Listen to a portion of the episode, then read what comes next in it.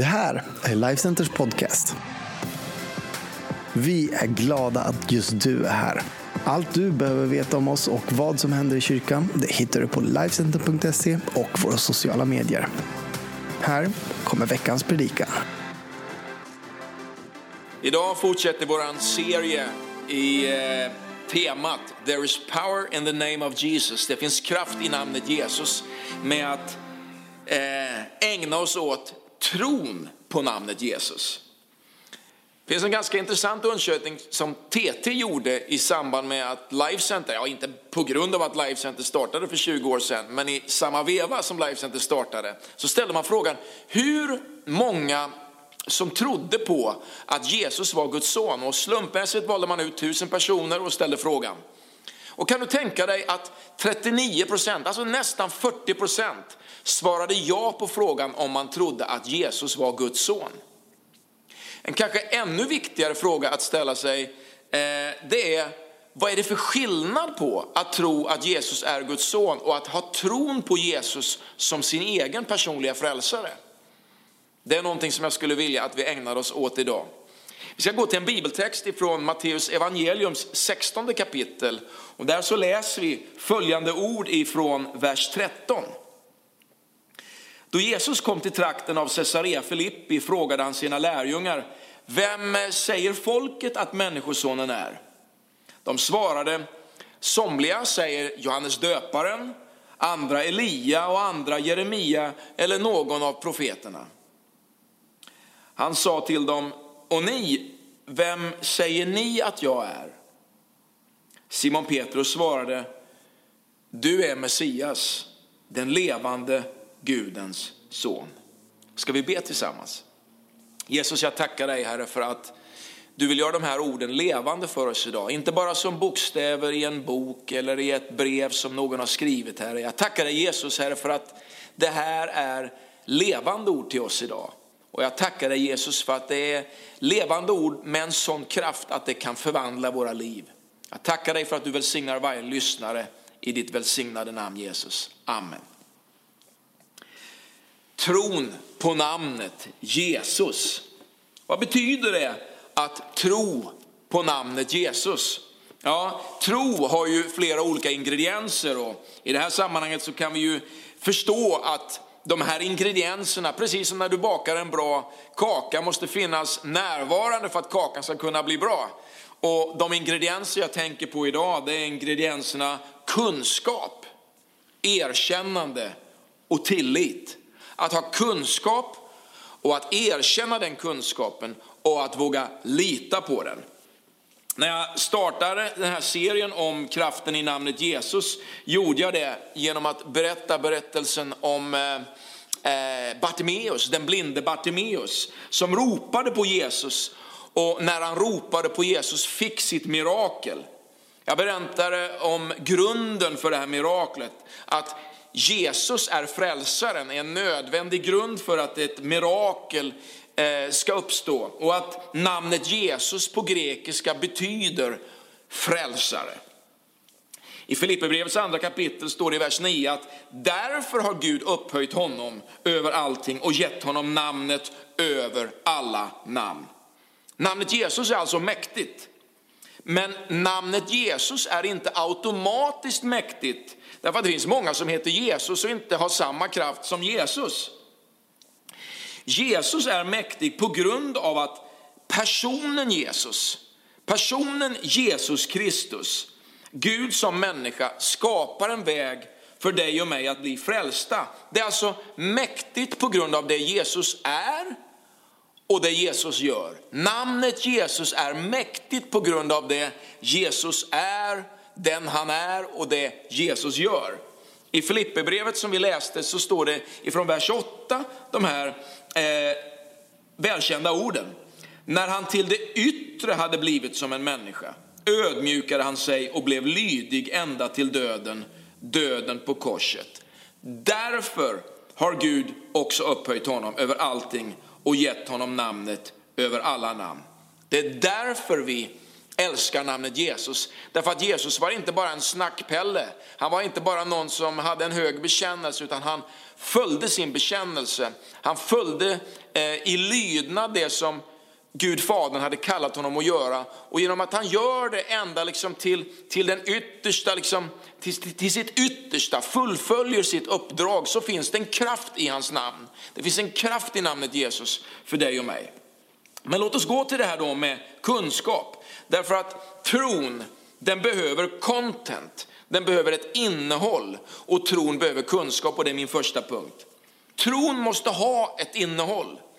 Tron måste ha ett content, substans. Det måste finnas någon eller något som man sätter sin tro till. Man kan inte bara tro liksom lite där i allmänhet utan man sätter tron till någonting.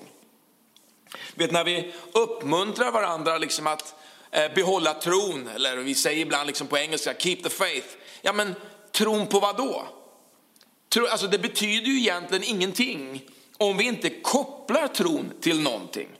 Man måste alltså beskriva vad man tror på.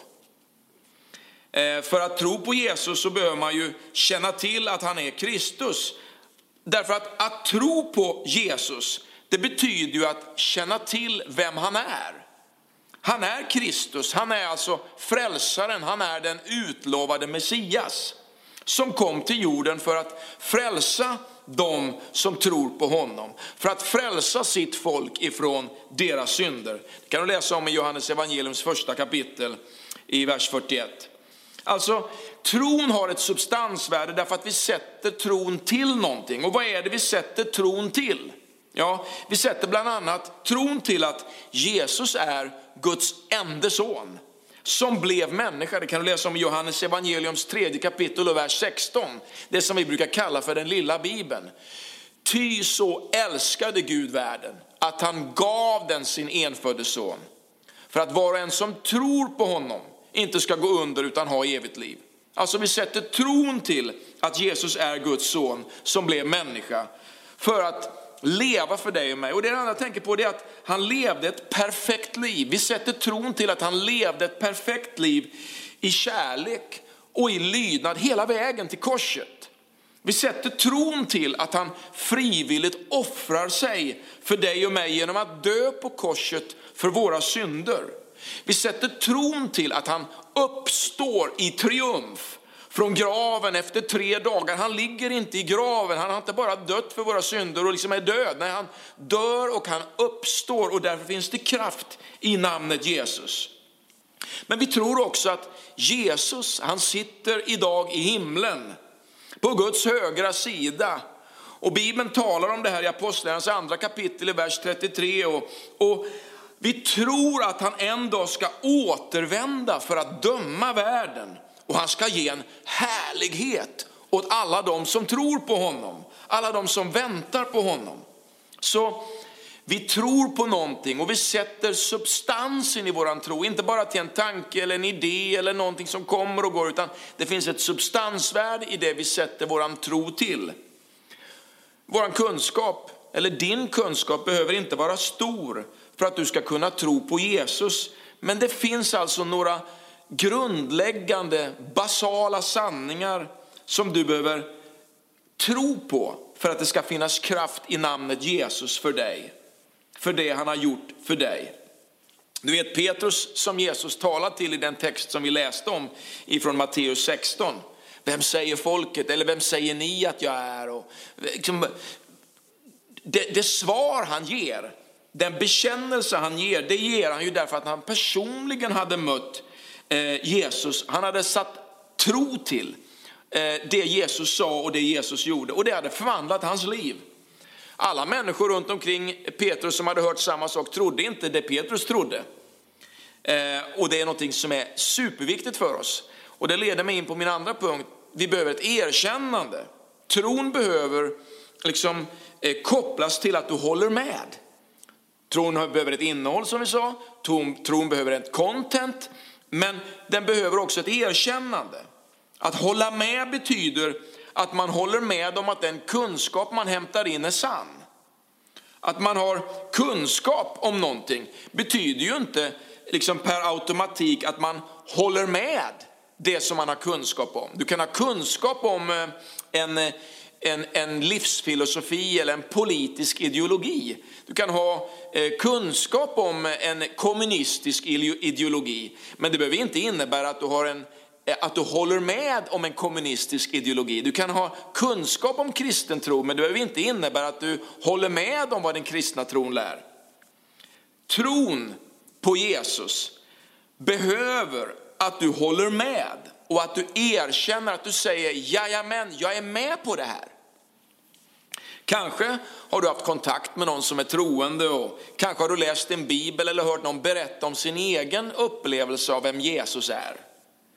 Eh, det är en underbar början, men man kan säga att det är som ett frö som är planterat i jorden och det behöver växa till, det behöver vattnas och det behöver näring och när det har vuxit till i dig så sätter du tro till dig och du har, du har fått predikat för dig och tron blir inte bara liksom ett frö utan det är någonting som har burit en frukt i ditt liv som jajamensan det här är mitt liv.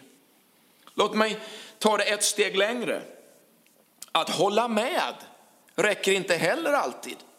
Och vad menar jag då? Jo, man kan ha kunskap och man kan hålla med, men det betyder inte automatiskt att jag tror på Jesus. Och vad menar jag då? Jo, Bibeln säger till och med att djävulen och demonerna, de vet vem Jesus är. Och de erkänner vem han är. Det står i Matteus 8, vers 29, eller i Markus 1 och 24, eller i Jakobs brevs andra kapitel och vers 19. Men de tror ändå inte på honom.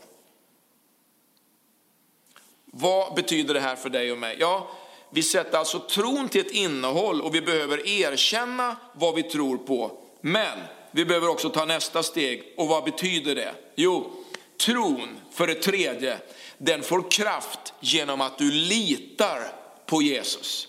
Att tro på Jesus betyder att man litar på honom. Och när man litar på honom så betyder det att man har kapitulerat sitt liv inför honom. Man litar på att han är min frälsare. I Johannes evangeliums fjärde kapitel kan vi läsa om en, en, en berättelse där Jesus har mött en kvinna och han har vittnat för henne och hon har satt tro till Jesus och så har hon börjat berätta för sina kompisar om vem Jesus är. Och vi läser de här orden, Johannes evangeliums fjärde kapitel, vers 39. Många samarier från den staden kom till tro på Jesus genom kvinnans ord. När hon vittnade, han har sagt mig allt det jag har gjort. När samarierna kom till honom bad de om att, bad de att han skulle stanna kvar hos dem och han stannade kvar där två dagar. Många fler kom till tro på grund av hans ord.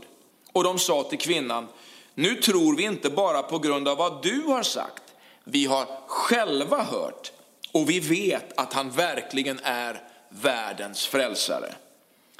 Att lita på Jesus, det är att tro på det Jesus sa att tro på det Jesus lovade, att ge upp sig själv för att följa honom.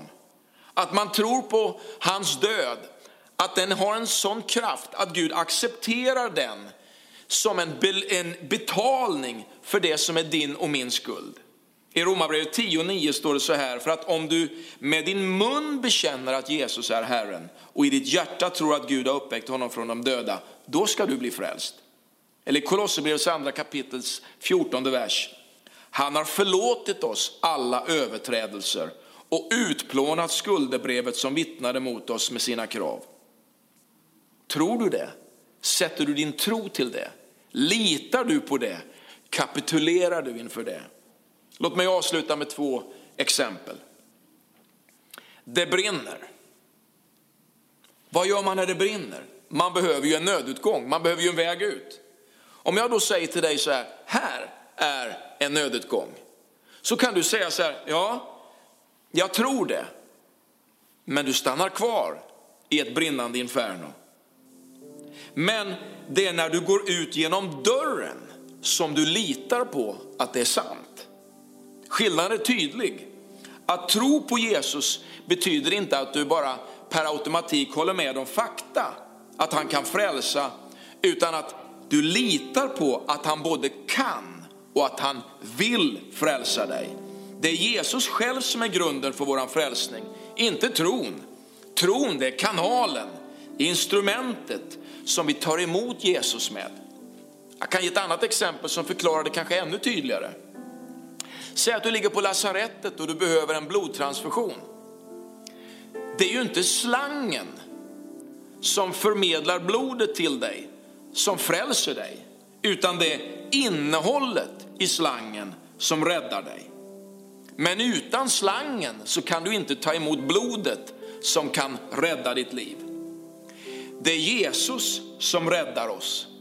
Det är Jesus som räddar oss, bara Jesus som räddar oss. Men tron behöver du, för det är som slangen som transporterar det livgivande till dig. Tron är viktig. Det är Jesus som räddar oss, men det är tron som gör att du kan ta emot honom.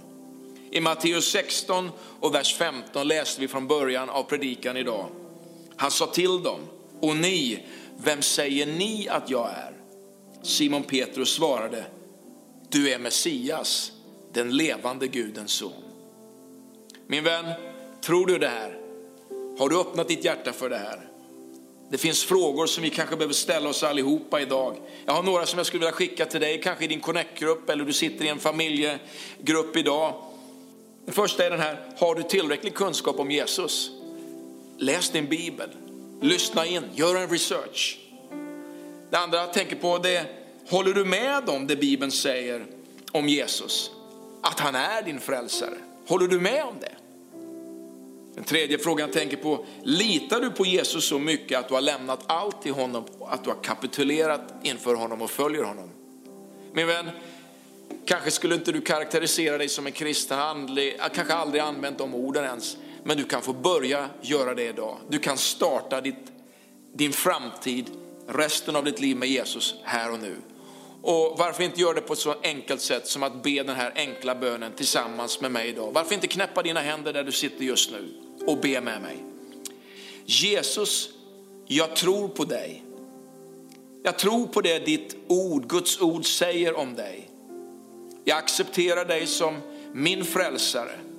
Att du har dött för mina synder och att du har uppstått och lever idag för mig. Jesus, jag väljer att lägga resten av mitt liv i dina händer. Jag tackar dig för att du är min frälsare. Amen. Tack för att du har lyssnat på mig idag och Gud välsigne dig.